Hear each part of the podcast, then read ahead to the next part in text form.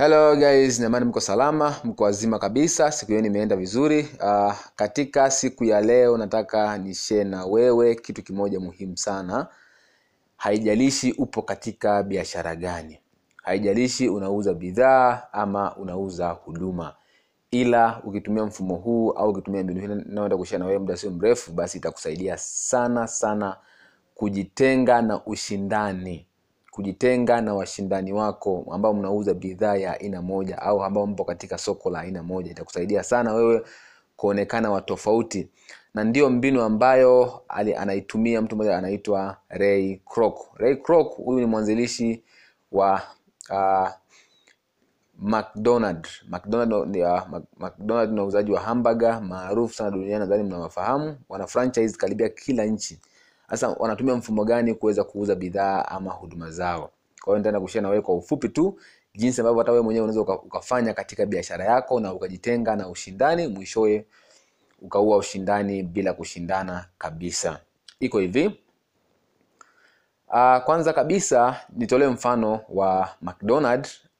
Uh, akiwemo mmiliki wake anaitwa ray kroc aliulizwa swali katika interview moja redio kubwa sana kwa marekani akaulizwa upo katika biashara gani upo katika biashara gani? Lakini wakati huo mimi na wewe tunajua kwamba mcdonald wanatengeneza hamburger. Na tulikuwa tunategemea kwamba jamaa angesema nipo katika biashara ya kuuza hamburger. Lakini cha ajabu alichojibu ni tofauti na wengi walivyotegemea. Alisema kwamba nipo katika biashara ya mcdonald. You see? Nipo katika biashara ya mcdonald. Lakini mcdonald ni kampuni. Mcdonald ni biashara yake lakini alikuwa asema kwamba nipo katika biashara ya kuuza nini? Ya kuuza hamburger. Lakini kumbe sivyo. Alikuwa anamaanisha nini? The point ni kwamba bidhaa unayoiuza ama huduma unayoiuza hiyo siyo biashara yako. Hiyo siyo biashara yako. Bidhaa ama huduma unayoiuza sio biashara yako. Biashara yako ni biashara yako yenyewe.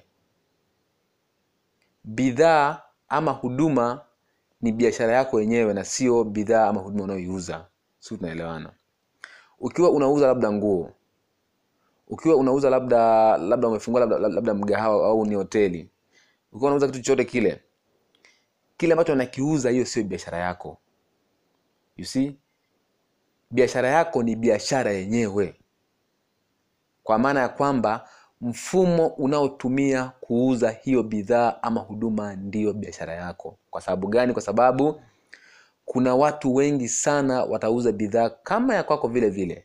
Lakini kitakacho kutofautisha wewe na wao ni staili unaotumia kuiuza hiyo bidhaa ama huduma.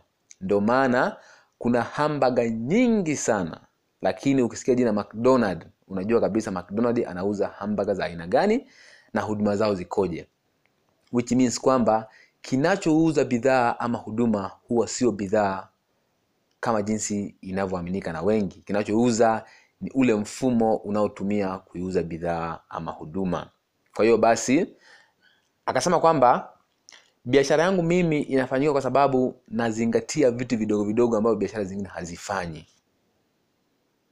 You get me? Kwamba yeye anazingatia zaidi vitu ambavyo biashara zingine haizifanyi. Kwa mfano mteja anapata huduma chini ya sekunde stini sema mteja anapata huduma chini ya sekunde stini yaani ndani ya dakika moja mteja akashapata huduma yake kila kitu.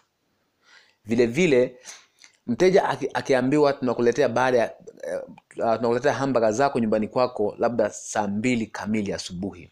Ni saa mbili kamili on the yani, yani ni saa mbili kamili juu ya alama ameshafika pale. You see? Kwamba tunasema kwamba mfumo wao ni consistent. Yani uh, ham, uh, mcdonald wana mfumo ambao hakuna biashara nyingine ambayo inaweza ikaiga. Kwa sababu gani? Kwa sababu wao wanajali zaidi vitu vidogo vidogo ambavyo biashara zingine zinapuuza. Kwa hiyo hivyo hivyo na wewe mwenyewe unaweza ukaamua kwamba kama kuna vitu ambavyo unaviona biashara zingine zinapuuza hivyo vitu wewe vifanye kama kipaumbele chako. Tengeneza mfumo ambao kila mfanyakazi ambao atakuwa anakuja kufanya biashara katika hiyo biashara yako yani kila mwajiri ambao atakuwa na mwajiri lazima kwanza haujua huo mfumo kabla hajaanza kufanya kazi na ndio maana mcdonald kabla huja franchise yani kabla hujafanya franchise ya, ya, ya biashara ya McDonald lazima kwanza upelekwe chuo kinachoitwa uh, uni, uh, uh, uh, uh, uh, wanasema university U. University U maana yake ni ni chuo kwa ajili ya, ya, ya hamburger. Sio kutengeneza kufundishwa kutengeneza hamburger hapana kufundishwa mfumo wa jinsi ya kuendesha biashara ya kutengeneza hamburger. Yaani biashara yao inafundisha tu mfumo wa jinsi ya kusimamia uendeshaji mzima wa kuuza hamburger na sio kutengeneza hamburger. Kwa sababu kutengeneza hamburger kila mtu anaweza akatengeneza lakini mfumo ndio uko tofauti. Si unanisoma hapo. Kwa hiyo wewe basi unatakiwa uwe na mfumo ambao kuna vitu ambavyo lazima wauzaji wako uliowaajiri au wewe mwenyewe kama bado huna huna, huna, huna wa, wa, waajiri, waajiri, waajiriwa lazima hivyo vitu unavifanya. Labda kama umejiwekea labda kila jumapili lazima uwapige wateja wako simu labda wateja watano kuwajulia hali au ku- kuwa- ku- kuwa- kuwawishi labda labda kuna sikukuu wherever. Au umejiwekea baada ya muda fulani lazima ufanye kitu fulani au kuna vitu ambavyo mteja wako akishafika kati- katika ofisi yako lazima apatiwe pindi anasubiri huduma. Yaani vile vile vitu vidogo vidogo ambavyo biashara zingine haivifanyi huo ndio uwe mfumo wako wa kuuza. Hiyo ndio iwe biashara yako sio kile ambacho unakiuza. Yaani weka nguvu kubwa zaidi kwenye mfumo ambao utatumia kuuza bidhaa au huduma yako sio kwenye bidhaa ama huduma kama wengi wanavyofanya wengi wanaweka nguvu kubwa kwenye sio bidhaa si huduma no, no, no. kwa sababu bidhaa zitakuja nyingi kama za kwako ila kitu ambacho kitatofautisha kati ya wewe na wengine ni ule mfumo ambao utakuwa unautumia kwenye kuuza hizo bidhaa ama huduma zako kwa, ku, kwa kuchukulia uzito vile vitu ambavyo biashara zingine zinapuuza wewe unaweka una- unaweka kipaumbele ya vitu hivyo. Kwa mfano swala la muda. Mteja akija lazima ahudumiwe kwa muda mwafaka. Kitu kingine lazima attention yako yote iwe kwa mteja muda huo. Hata kama ukipigiwa simu kabla hujapokea omba kwanza radhi kwa mteja bana samani naweza nikapokea simu. Akikuruhusu pokea. You see? Uruhusiwi kuongea pindi mteja anapoongea. Mwache aongee kwanza amalize ndio ufanyaji ndio uongee. You see? Yani kuwa na, na mfumo ambao lazima tunasema labda unaweza ukaandaa script. Kila mtu ambaye atakuja kufanya kazi na wewe lazima hiyo script awe ameijua kichwani. Afanye vitu ambavyo haviko yani afanye vitu ambavyo viko kwenye mfumo ambao umeuandaa. Umenisoma kwa hiyo tengeneza mfumo ambao lazima unaofanya kila siku. Lazima uwe consistent. Consistent maana yake lazima kila siku ufanye kitu hicho ili ujitenge na hao washindani kwa hiyo biashara yako ni mfumo wa kuuza na sio bidhaa ama huduma. Kwa hiyo weka nguvu kubwa kwenye kubuni mfumo ambao utakusaidia wewe kujitenga na watu wengine kwa kuzingatia vitu ambavyo biashara zingine zinapuuza wewe tumia hivyo vitu kama sehemu ya kuwavuta wateja wako. Watu wengi sana wanapuuza sana wateja. Sasa wewe wathamini na wajali wateja. Watu wengine wanapuuza sana swala la muda. Wewe jali muda you see? Watu wengine wanakuza sana usafi lakini wewe usafi uwe hali ya juu katika sehemu ya biashara. You see? Kwa hiyo weka kipaumbele vitu ambavyo wateja wanavikosa katika sehemu zingine lakini wewe vi vitu hivyo hakikisha unavipata.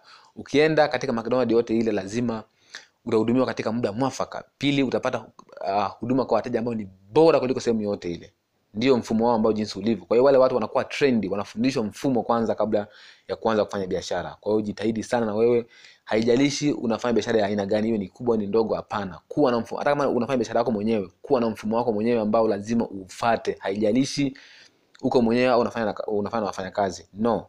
Kuwa na mfumo wako ambao lazima kila mtu aufate endapo atauza hiyo bidhaa huduma ambao unaiuza wewe katika biashara yako. Hicho ndicho kitakachokutenga na washindani kwa hiyo bidhaa ziko sehemu nyingi. Usipoteze muda wako weka nguvu kubwa kwenye bidhaa. Bidhaa mtu anaweza akakopi lakini mfumo ni ngumu sana kukopi kwa sababu mfumo ni- unafundishwa kwa watu. Anayetumia mfumo ni mtu. Simenisoma mtu ndio anayetumia mfumo kwa sababu ni kitu ambacho kinafundishwa na kikafundishika.